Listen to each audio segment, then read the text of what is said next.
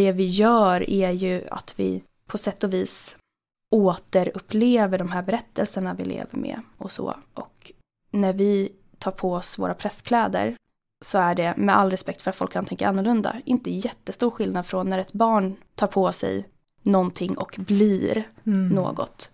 Ehm, så även om det är stort allvar så är det ju också stor glädje och stor lek, tänker jag. Och det tänker jag smittar av sig till hur präster ser ut även utanför gudstjänsten.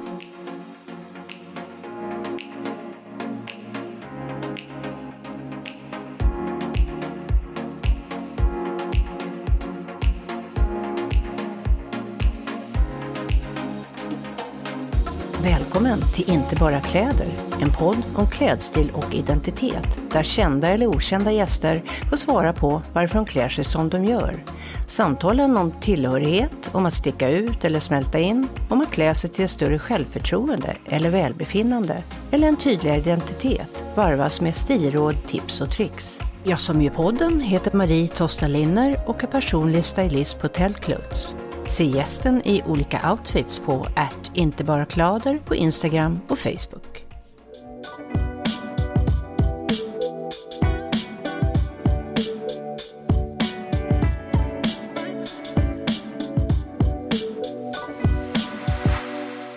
Gäst i poddens sjuttonde avsnitt är Embla Trygg, född 1994.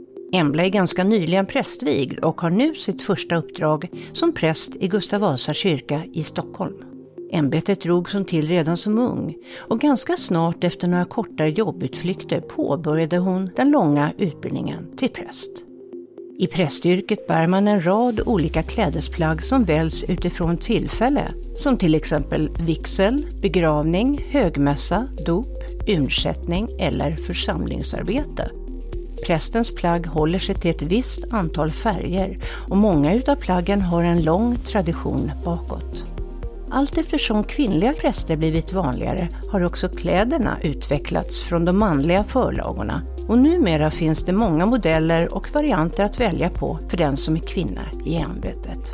Privat klär sig Embla i en slags blandning av både kvinnligt och manligt kodad klädsel hon är klädroad men lyckas alltid på något sätt, som hon uttrycker det, vara för uppklädd eller nerklädd.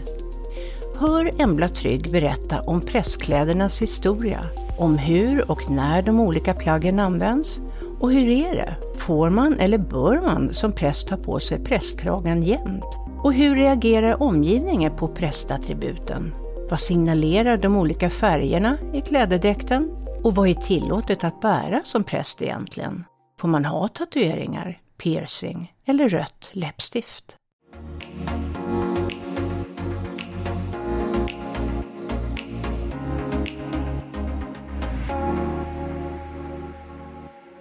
Embla Trygg, vad har du på dig idag?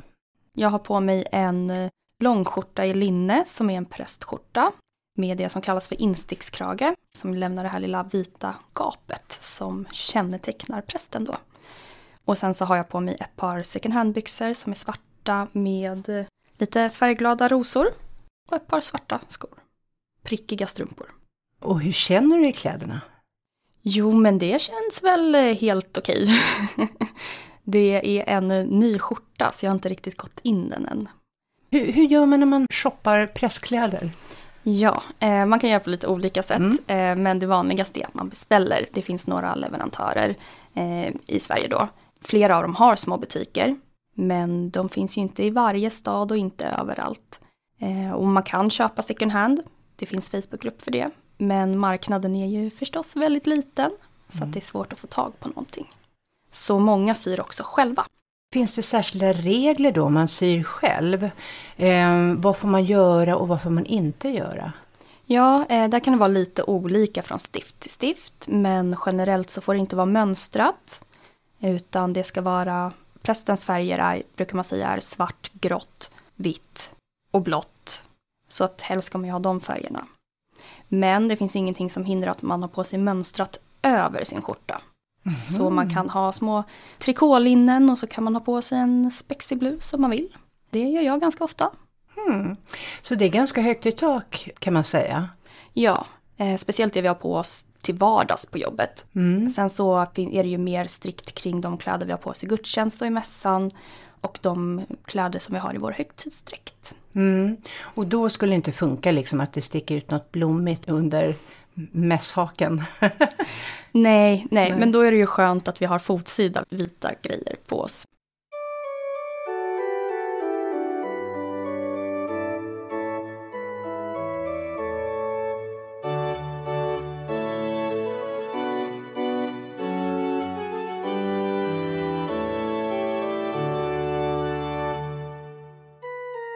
En ganska nybakad präst. Mm. Du blev präst i januari i, i år. Mm. Hur kom det sig att du valde det yrket?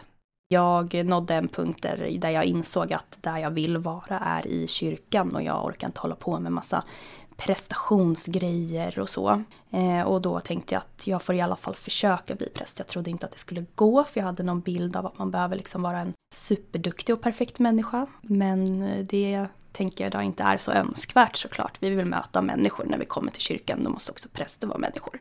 Och på den vägen var det. Så inser man ju längs med vägens gång att det blir annorlunda när det som kanske var en, ja, vad ska man säga, en passion är ju fel ord, men, men det, det som känns som hemma, börjar du jobba hemma, då blir det ju annorlunda. Eh, så då kommer ju också kanske vissa tankar om prestation och så också. Men, eh, men det var för att jag hade, men jag ville vara i kyrkan och jag hade blivit väldigt väl omhändertagen av kyrkan. Och då ville jag jobba där. Mm. När, när kom det? Första gången jag tänkte att präst är världens bästa jobb, det var när jag var konfirmand. Eh, Så jag var väl, ja, vad var jag, 13-14 något sånt. Men, eh, men jag bestämde mig väl för att jag behövde testa ungefär när jag skulle ta studenten. Någon gång i trean på gymnasiet tror jag. Så jag gör det hemligt ett tag. Och hur lång utbildningstid är det för en präst? Hur många år? Man kan klara det på sex år. För mig tog det väl nio tror jag. Oj! Ja, och det har dels med att göra att vissa grejer ehm, är, ja det är en kurs som borde läsas kanske på halvfart under ett år och då kanske inte är lämpligt att plugga 100% på universitet samtidigt. Men också jag har pluggat mycket halvtid, jag var sjukskriven en period och ja, det hinner ju hända mycket. Mm. På, På- nio år. Ja, och på Mm. sex år också, då, Mm. då, blir, då blir det lätt nio. Nu går vi tillbaka till ditt privata liv. Mm. Och då tänkte jag höra, har du några klädminnen sedan du var barn? Jag tyckte väldigt mycket om kläder när jag var liten. Och jag gillade allt som var fluffigt, allt som var sammet och allt som var så här, så här riktigt glansigt också. Eh, Så jag har många minnen av hemska glansiga pyjamasar där fötterna liksom, om man råkar komma åt byxbenet när man sover så vaknar man för att det är så... Uh. Men har också minnen av ett helt fantastiskt typ så här veloursammetssätt med så här mörkblåa byxor med ljusblåa blommor och så. Jag gillar att vara bekväm och har väl alltid gjort det, även om jag Vissa perioder av mitt liv har jag älskat till exempel att ta på mig klänning och andra perioder har jag hatat det och inte haft det på flera år. Mm. Eh, Men, eh, men bekväm gillar jag att göra. Så jag gillar mjuka tyger och jag har gjort det sedan jag var barn. Jag har något vagt minne av en gul klänning i så här riktigt mjukt bomullsmaterial med små blommor på. Och jag vet inte hur den ser ut riktigt eller när jag hade den. Men jag har liksom ett minne av den och kan liksom känna doften av tvättmedlet. Mhm. Ja, Mm. Och hur, hur mådde du när du hade den? Kan du återskapa den känslan? jag tror att det var en sommarklänning.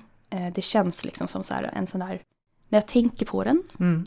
så känns det som en så varm och härlig sommardag. Hur gammal var du tror du ungefär? Jag gissar att jag kanske var någonstans tre, Mhm. fyra kanske, ganska liten. Mm. Wow.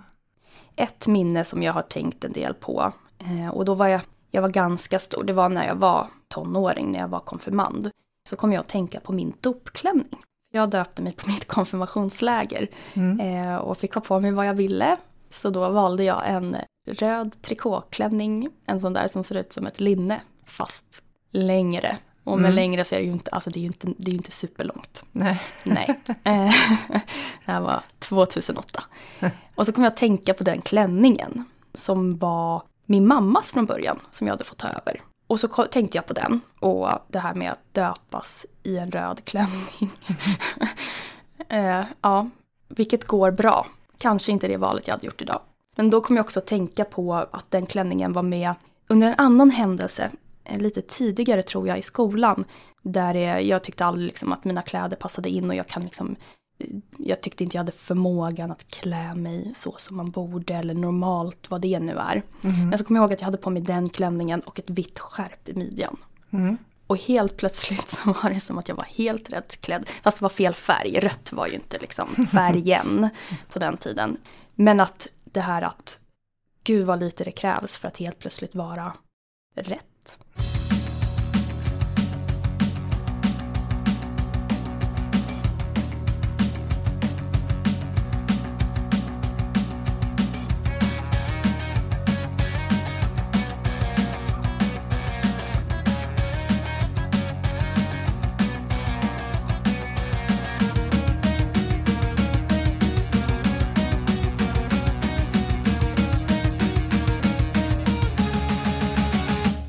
Det lilla skärpet.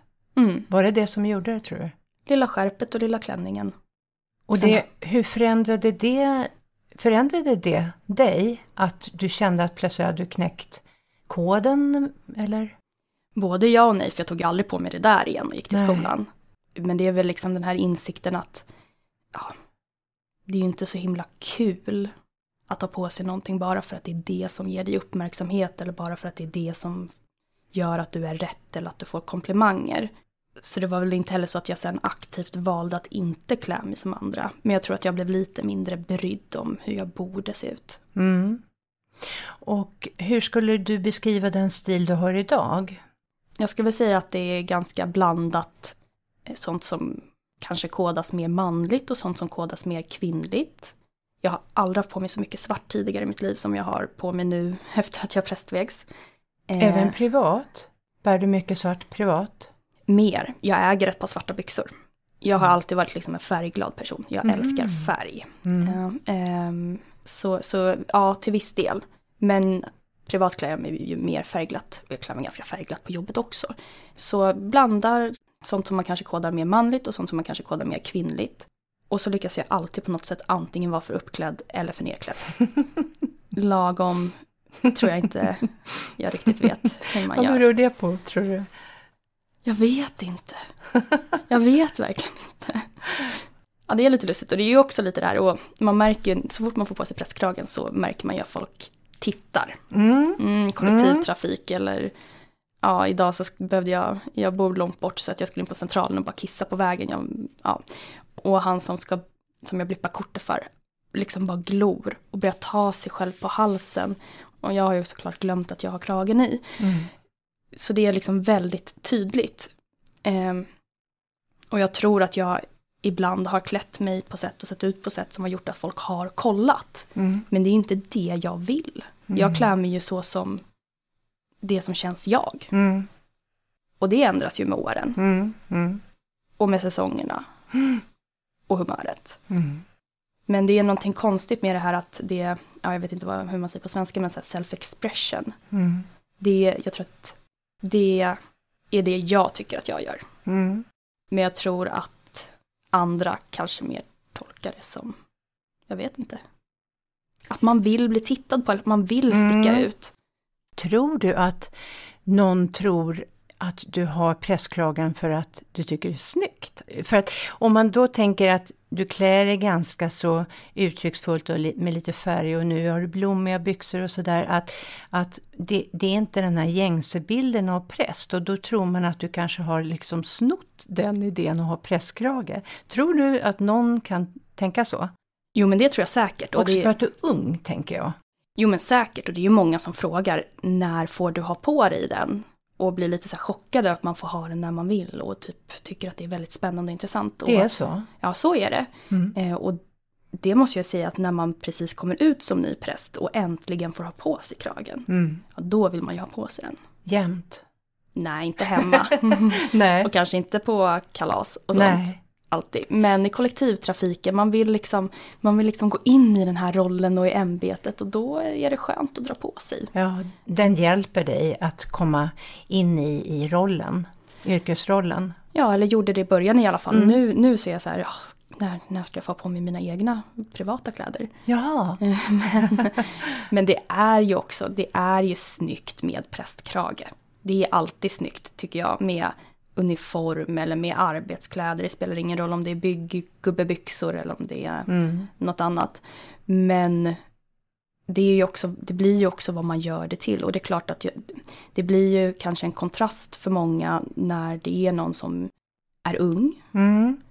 Eller när det är någon som är tatuerad. Jag får väldigt mycket frågor om mina tatueringar. Just det, och det, det är tillåtet så att säga. Det får man också ha. Jajamän. Och piercing. Ja. Och vad är det mer man kan tänka sig? Ehm, ja, är det, är det någon, liksom, några regler med, med skor? Vilka skor du får ha eller inte? Till högtidsdräkten, ja då ska de vara svarta. Mm. Eh, annars nej. Okej. Men där är det också väldigt olika. Jag, un- jag undvek mina glittriga skor på högmässan. Ja. Tills jag lärde känna församlingen. ja. För att det är, så här, det är tråkigt om det är det någon sitter och stör sig på under hela mässan. ja, för kläderna är väl också en slags, ehm, hur ska man säga? Inte vördnad, men, men att, att du underordnar dig Gud. Eller hur, hur kan man beskriva det? Ja, man brukar beskriva det som att man iklär sig Kristus. Okej. Mm. Mm. Och det är ju då med det här vita och allt. Och det är därför de här bönerna blir viktiga för många. Mm. Man liksom på något sätt så ska det symbolisera att jag, jag, är inte heller, jag är inte längre här som mig själv. Utan i den här ordningen så är jag ställföreträdande för Mm. Kristus. Därför iklär jag mig Kristus, för jag är Mm. inte Kristus. Och så är det ju. Mm. Sen kan man ju tänka sig att Kristus skulle tillåta hur man än ser ut, för det verkar ju mer kristet så att säga, kristna värderingar. Mm. Men man kan ju då också förstå församlingen, Mm. att de kanske tycker det blir för mycket om man liksom är helt spacad, Mm. klädd. Och det är ju här olika intressen liksom ibland krockar Mm. och där det är svårt att, att hitta en, en bra ja, men teologisk mellanväg kanske. För det finns de som då väldigt starkt håller på det här att eh, nej men det ska inte vara några smycken, det ska inte vara utsläppt hår, eh, du får inte ha för starkt eh, läppstift på dig, helst inget smink alls Och kanske. idag har du rött. Och idag har jag läppstift, rött, kan vi säga. ja. Mm. Ska inte fira någon mässa idag. eh, men, men ja, det hade jag väl kunnat ha om det var en veckomässa. Det tror jag inte att, det hade jag inte haft någonting emot. Men det finns de som liksom, som då tycker att man ska skala av väldigt mycket. Och så finns det de som är mer så här, ja fast alltså jag är kallad att iklä mig Kristus som den person jag är. Mm. Eh, och där är det ju lite olika sätt att se på det och det är lite olika intressen. Och det jag tänker är att det man ber oss skala bort är väldigt ofta det som är kvinnliga attribut. Jag Traditionellt tänkte så. det. Inga höga klackar som låter. Inga, ingen nagellack, inget smink, inga smycken. Mm, Inget långt utsläppt hår som fladdrar. Just det. det. Och det är ju väldigt sorgligt då. Mm. För, det, för det är liksom det som är typiskt kvinnligt, det är ju det tillhör ju livet, verkligen. Mm. Vi föder barnen till att börja med. Eh, så att eh, det är ju, va- varför tror du att det har blivit så? Det här lite, vad ska vi kalla det för? Nästan viktorianska sättet att eh, se på prästyrket. Ja, jag tror, jag tror dels att det har att göra med att ibland kan det som vi ser som kanske teologiskt överordnat krocka med det som är det faktiska livet här och nu. Mm. Det är inget fel i att tänka sig att man helt ska iklä sig Kristus. Eh, tänker jag. Mm. Det får man göra om man vill. Och det är en väldigt fin teologisk tanke. Men i den värld vi lever som inte är perfekt, Mm. där är det som ses som neutralt, kommer ju alltid vara det som är normen, det som är det mest eftersträvansvärda. Och det kan man ju se om man kollar på gamla debattartiklar och sånt från när man diskuterade kvinnligt prästerskap till exempel. Hur ska man kunna lyssna på predikan om kvinnan är gravid? Och det där återkommer ju utifrån varje tids specifika frågor och det kan handla också om vad vi säger. Ja, men hur ska folk kunna lyssna på predikan om du kallar Gud för hen istället för han? Och där tänker väl jag att vissa av oss nog också är kallade för att det finns de som behöver störa sig på, på det där läppstiftet och det finns de som behöver störa sig på det där ordvalet. Säger du hen? Om jag inte kan pronomen und- undvika helt. Mm, Ehm, Jesus säger ju han om. Mm. Men jag tycker att det blir en för snäv bild av Gud. Om vi då ska iklä oss Kristus också, då blir det väldigt mycket manligt attribut. Mm. Och manlig norm. Mm. Mm. Som inte speglar hur kyrkan ser ut idag kan man ju också säga. Att vi är mm. ganska precis hälften hälften kvinnor och män tror jag som är mm. präster.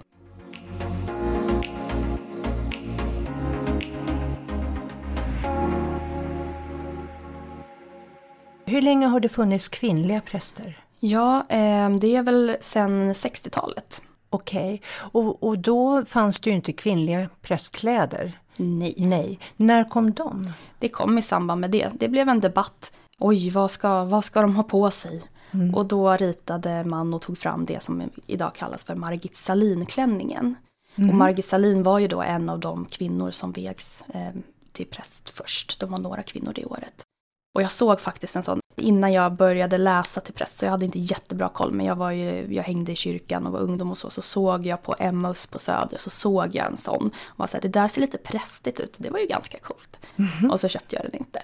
Men nu vet jag bättre, det var en Margit Salin-klänning. Mm ehm, och de är, ja men det är ju, det är ju verkligen kyrkligt textilhistoria liksom. Mm Kan du beskriva den lite grann? Ja, men den ser ganska 60-tal ut. Svart. Den hade en 11 tror jag, alltså den här som ser ut som siffran 11, den kragen. Och så har jag för mig att det liksom var som något litet övervik nästan. Ganska lång, men inte fotsigt. Ja, kan du berätta lite om presskläderna? Vad är det för plagg som ingår och hur ser de ut och när används de? Mm. Dels är det ju då prästskjortan eller prästtröjan. De kan se ut i vilken modell som helst i princip och finns i många material bomull, lin, trikå. Och det vanligaste är kanske att ha en sån frimärkskrage som jag har på mig idag. Men det finns andra typer av kragar också. Rundkrage, då ser man lite mer så här anglikansk ut. Och anglikansk? Sen, ja, engelska kyrkan. Okej, okay. ja. ja. just det. Mm. Och då är det som att det är vitt liksom hela vägen runt och utanpå. Mm. Och så finns det mellanting. Sen så har vi vår högtidsdräkt som kallas för kaftan det är inte alla stift man behöver ha en högtidsdräkt, men här i Stockholms stift så har vi kaftan. Och de är som svarta rockar kan man säga, över byxa eller kjol eller så. Och då har vi också på oss det som kallas för kaftanskjorta. Det är en vit skjorta. Och det som är lite speciellt är att då har vi en annan krage. En krage som kallas för elvan. För att det ser ut som, en, som siffran 11. Det är liksom som två små svansar som sticker ner mot bröstkorgen.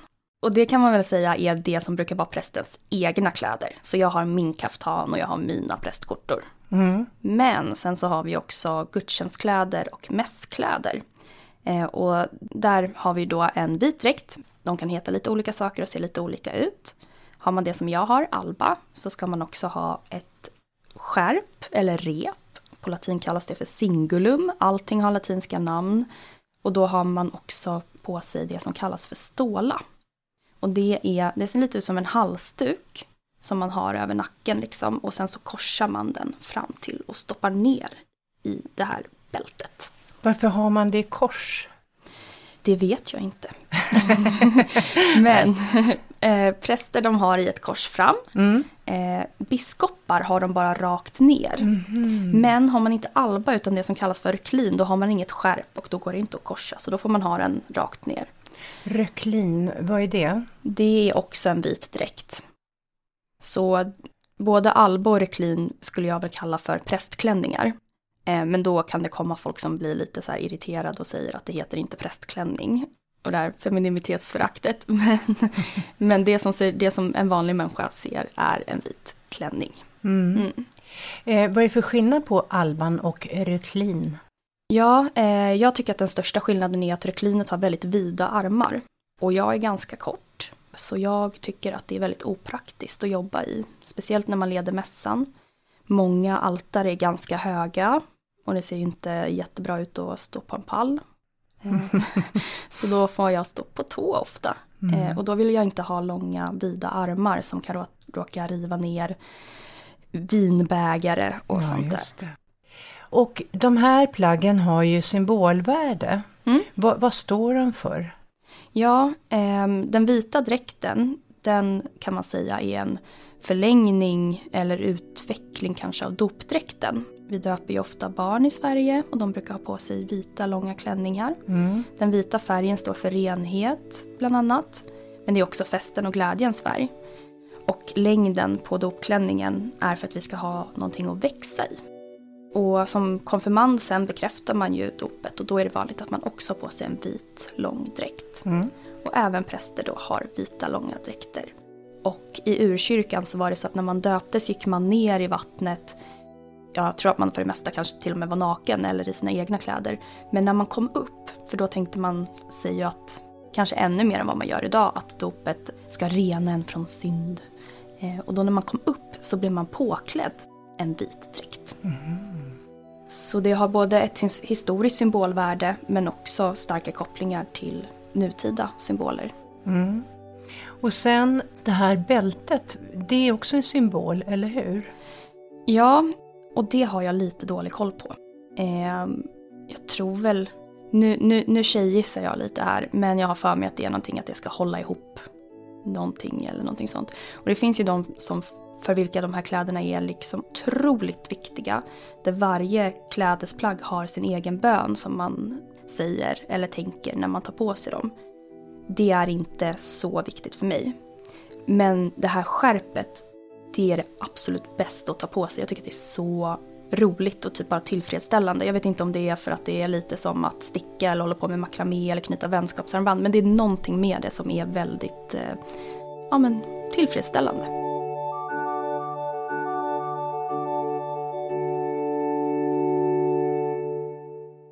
Sen är det här med de här stålarna. Mm. Eh, De har olika färger eh, f- beroende på gudstjänsten, vad den handlar om, Mm. eller hur? Och vad är det då för färger och vad står färgerna för? Mm. Eh, då är det vitt då. Glädjen, festen, renhet, uppståndelse kan det stå för också. Och sen så har vi grönt. Det står för mognad och växt. Och så har vi blått eller violett. Och det är fastefärgen och botens färg. Så det brukar vara under fastan. Dels då det som är stora fastan före påsk, men också lilla fastan som vi kallar för adventstid. Och sen så har vi rött och det är martyrernas färg, men det är också andens färg. Och så har vi ju också då svart. Och det finns egentligen bara en dag på hela det vi kallar för kyrkoåret som är en svart dag. Och det är långfredagen. Men svart är ju också vanligt att ta på sig på begravning. Men man kan se att vitt också blir mer och mer vanligt. Då Mm. för att man vill lägga kanske fokus just på uppståndelse. Snarare än det här tunga död, död, död. Mm. Hur väljer man det? Det väljer man själv. Och det är det här som är lite spännande för det finns ju inte, det står ingenstans i bibeln att på jul ska ni ha vitt, på pingst ska ni ha rött. Utan Mm. det är ju någonting, det är ett system som har byggts fram genom tradition och genom många, många år. Mm. Men det innebär ju också att det är inte liksom lagstadgat direkt så. Utan det är en tradition. Och då om det bara är jag som är präst, Mm. om jag vill ha en regnbågsfärgad ståla så kan ju jag ha det. Den som leder själva mästdelen som har hand om nattvardsgåvorna kallar man ofta för den som celebrerar och kanske då också är liturg, har den funktionen i gudstjänsten. Och kan man argumentera för sin sak, för sig själv, så kan man ju göra avsteg, tänker jag. Och det händer. Rosa är ju inte en färg till exempel direkt i Svenska kyrkan, men det blir vanligare och vanligare att man har rosa på sig vissa dagar. Så det är inte så strikt? Både ja och nej skulle jag Mhm. säga. Och det beror också på vart man är någonstans Mm. tänker jag. Det finns ju många traditioner inom Svenska kyrkan. Mässhaken har vi inte pratat så mycket om, den har ju Nej. också de här färgerna. Mm. Eh, Det som jag ibland kallar för prästtäcke. Eh, och den har man ju på sig om man leder mässan, alltså om man har hand om nattvardsgåvorna. Mm. Och även där så finns det traditioner för så här, när tar man på sig den? Mhm. Så vill man så kan man ju ha allt det här supergenomtänkt. Men så kan man också vara mer av en praktiker. Vad är praktiskt? Mm. Men ändå, det måste ju vara vissa regler, eh, i, liksom generella regler, så att man inte kommer med fel kläder. Jo, men så, så, är, så är det ju. Och det får man lära sig längs med vägen och det, det är inte alltid jag ens vet vad jag bör ha på mig. Som, Vem, vem frågar du då? Ja, det beror lite grann Fråga på. Gud. ja, då, blir, då, då, då blir det nog ganska tyst eller så får jag väl svaret att det inte spelar så stor roll. Nej, men dels så får man ju tänka själv, vad är det för tillfälle? det är ju lättare att förstå kanske vad som är att klä sig lämpligt om man ska ha en begravning. Även det man har på sig under gudstjänstkläderna. Mm. Vi har fortfarande en stark tradition av att svart är begravningsfärg. Eh, så då är det ju enkelt. Mm. Eh, men som, ja men jag ska hjälpa till vid en urnsättning. Mm. Eh, det är inte begravning. Jag ska egentligen bara läsa en liten bön i princip och vara närvarande. Vad har man på sig då? Mm. Jag har ingen aning. Så det är upp till var och en? Lite så, men det finns ju alltid folk man kan fråga. Så mm. till exempel med den här urnsättningen, då frågar jag vår kolumbarieföreståndare som mm. har haft säkert en miljard urnsättningar, känns mm. det som. Och vad svarar de då? Han svarade att det är trevligt om jag har på mig prästskjorta. Mm. Och det mm. brukar jag ha när jag är på jobbet. Så mm. det, det löste sig självt. Men jag valde ju ganska liksom mörka kläder idag. För att för mig känns det kanske mer ifall att, ifall ifall att någon skulle reagera så har jag ändå liksom någonting långt och svart på mig. Mm, och vad ska du göra idag? En ursättning. En sak som du glömde att nämna eh, att du har på dig idag så är det ju ett kors runt halsen, silver. Kan du berätta lite om det? Mm. Det här är ett litet eh, vintage silverkorshänge som jag fick i prästvigningspresent. Hade kollat ut det och var så här, oh, ah, jag borde ha ett kors, jag borde ha kors, jag har inga korshalsband. Och min syster var så här, mm, vad brukar man ha för några kors? Och så hade hon väl scoutat åt morsan gissar jag. Så det fick jag mamma och hennes sambo. Och det har liksom som en liten så här, det ser ut som en liten bur på mm. framsidan. Mm. Där det är en liten sten och den är utbytbar. Så jag har lite olika stenar. Så idag är det en svart sten i. För att Jaha. svart. Eh, och, och den, hur byter man sten? Är det en liten lucka? Ja, det är liksom som en liten eh, Nej, vad fint. Ja, jättefint. Vad har du för stenar? En blå, vad är det det heter? Lapsis? Lapis lazuli tror jag. Precis, och så är det en ametist.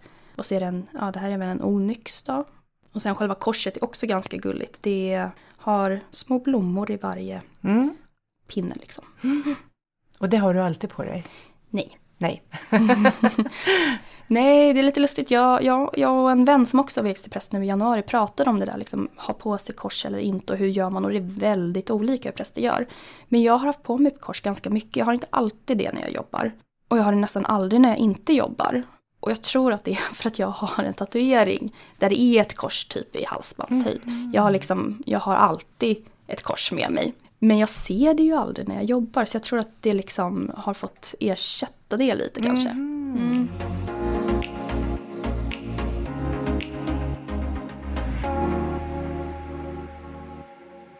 På många sätt är ju prästernas kläder på väldigt stort allvar. Men det är ju också väldigt mycket lek. Mm -hmm. Tänker jag. Hur menar du då? Jo, men jag menar väl på så vis att, att mycket av kläderna hör ju till själva liksom gudstjänstens förfarande. Mm. Och då kan man ju, jag menar inte lek som är någonting liksom barnsligt utan lek är ju väldigt liksom allvarligt ofta. Mm. Mm. Men det vi gör är ju att vi på sätt och vis återupplever de här berättelserna vi lever med och så. Och när vi tar på oss våra prästkläder så är det, med all respekt för att folk kan tänka annorlunda, inte jättestor skillnad från när ett barn tar på sig någonting och blir mm. något. Ehm, så även om det är stort allvar så är det ju också stor glädje och stor lek, tänker jag.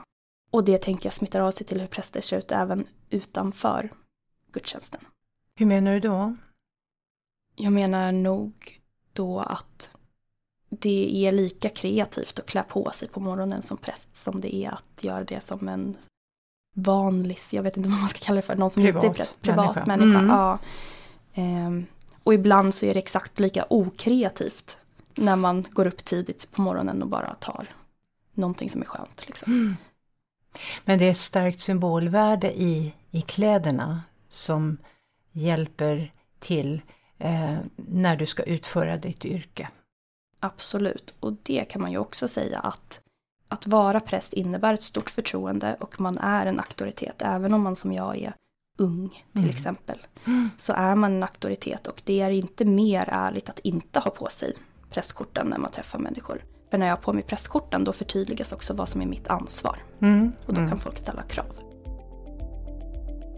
Att uniformer och andra yrkesdräkter har kommit till som en synlig markering för att uttrycka kompetens, seriositet, förtroende, stabilitet och auktoritet är inte så förvånande.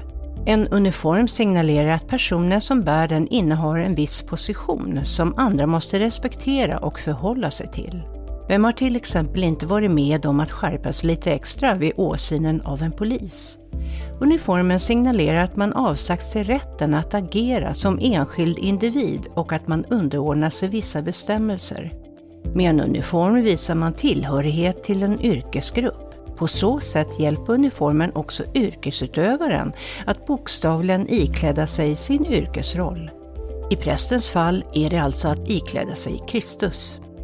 I yrken utan uniformer finns det mer eller mindre tydliga klädkoder, som ett slags tyst språk för att visa vad man tillhör för skrå. Vi kan till viss del också styra hur vi vill bli uppfattade inom vår yrkesgrupp, eller då vi för en kunds, patients eller gästs räkning utför vårt uppdrag. Vill du att andra ska uppfatta dig som till exempel vänlig och tillgänglig, bär då färg, gärna en mjuk och positiv sådan. Vill du uppfattas som avspänd, bär bekväma plagg.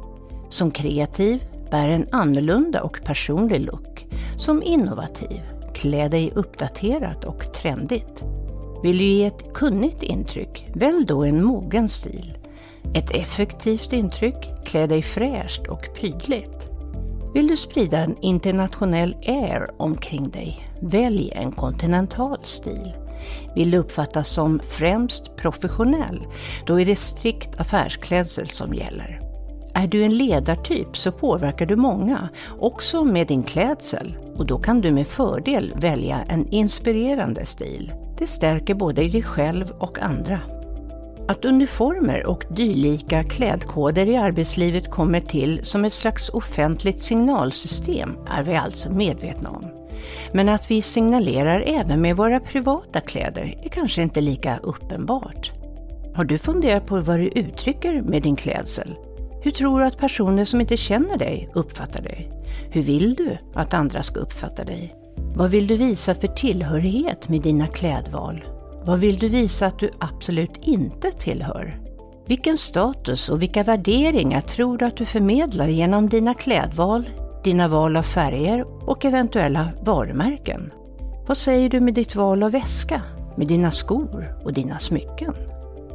Vi tror kanske att det inte spelar så stor roll med vad vi sätter på oss. Men andra uppfattar och läser in mer genom vår klädsel än vad vi kanske anar, både medvetet och omedvetet. Och ju bättre ditt yttre stämmer med din insida, desto tydligare blir det inför andra. Och ju tydligare vi blir, desto mer rättvist blir vi också bemötta. Så filosofen Epiktetos kanske inte hade så fel när han redan kort efter Kristi födelse gav det inte helt plättlätta stilrådet Lär först känna dig själv, klä dig därefter passande.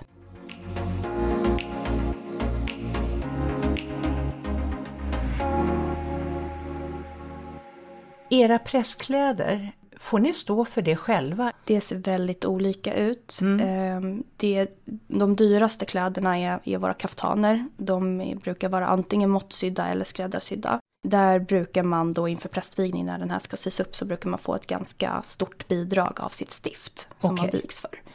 Sen så är det olika beroende på vem, vilken församling man jobbar i eller om man är anställd av stift eller hur det är. Hur mycket kläder man får per år. Och då pratar vi ju då om tröjorna och skjortorna. Mm. Mm. och vi får ju ha på oss vilka byxor vi vill i princip. Och så. Mm. mm. Så, så det är väldigt olika. Men det är ju inte som för min man som är rörmokare där, där till och med strumporna ofta eh, går att få liksom som arbetskläder. Ja. Mm. Är man någonsin ledig som präst eller är man liksom standby om någon behöver själavård? Man är präst dygnet runt men man är inte alltid i tjänst. Eh, så vi är lediga och om man som jag inte har något chefsansvar om man är kyrkoherde så, så ser ju liksom hur man är i tjänst och hur ledig man är när man är ledig lite annorlunda ut än vad det gör om man som jag är pastorsadjunkt och mest har liksom vanliga församlingsuppgifter. Eh, så jag kan vara ledig när jag är ledig. Och man har ju fått lära sig i Svenska kyrkan den hårda vägen att det är väldigt viktigt att värna om ledigheten. Mm. Men därför också har jag till exempel inte på mig prästkorta när jag är ledig någonsin. För att då måste jag också vara beredd på att någon kan ta tag i mig. Just det, mm. för de behöver höra något svar från en präst. Ja, eller bara få hjälp med vägen eller någonting. Det, ja, det, det, är inte alltid folk liksom har ett ärende så. Nej. Men kanske inte lika mycket liksom för, svensk, för svenskar, men för folk mm. som kommer från andra kulturer. Där, där är ju kanske religiösa figurer en trygghet på ett annat sätt. Mm. Någon mm. man kanske då vågar fråga. Upplever du att svenskar är Alltså vi är ju ett sekulariserat folk, mm. eh, eller land. Eh, kan du känna det att det är väldigt lång väg fram till folk som inte är kristna? Att prata om ditt yrke, prata om det du förkunnar? Eh, både ja och nej. Jag märkte en förändring så fort jag skulle bli präst. Eh, folk tar fortfarande av någon anledning prästämbetet på väldigt stort allvar. Eh, så samma människor som kunde sitta och vara så här, ja men religion det är, det är töntigt, varför ska man tro på en hittepågubbe uppe i molnen och sådär. Många av dem har sedan visat väldigt stort respekt för mitt val att bli präst. Mm. Eh, och det är något spännande med det. Men jag tror, svenskar är ju på många sätt väldigt andliga. Många tror ju på någonting, men vill mm. inte kalla sig till exempel kristna. Mm. Och då brukar de inte reagera så negativt på det jag förkunnar i alla fall. Mm. Är de nyfikna så i allmänhet? Många är nyfikna och många man ska inte heller glömma att det fortfarande finns kvar ganska många som har blivit eh, ganska illa behandlade av kyrkan och folk som mm. kanske inte vet om de är välkomna. Och det får man ha all respekt för och det tycker jag också att man kan märka.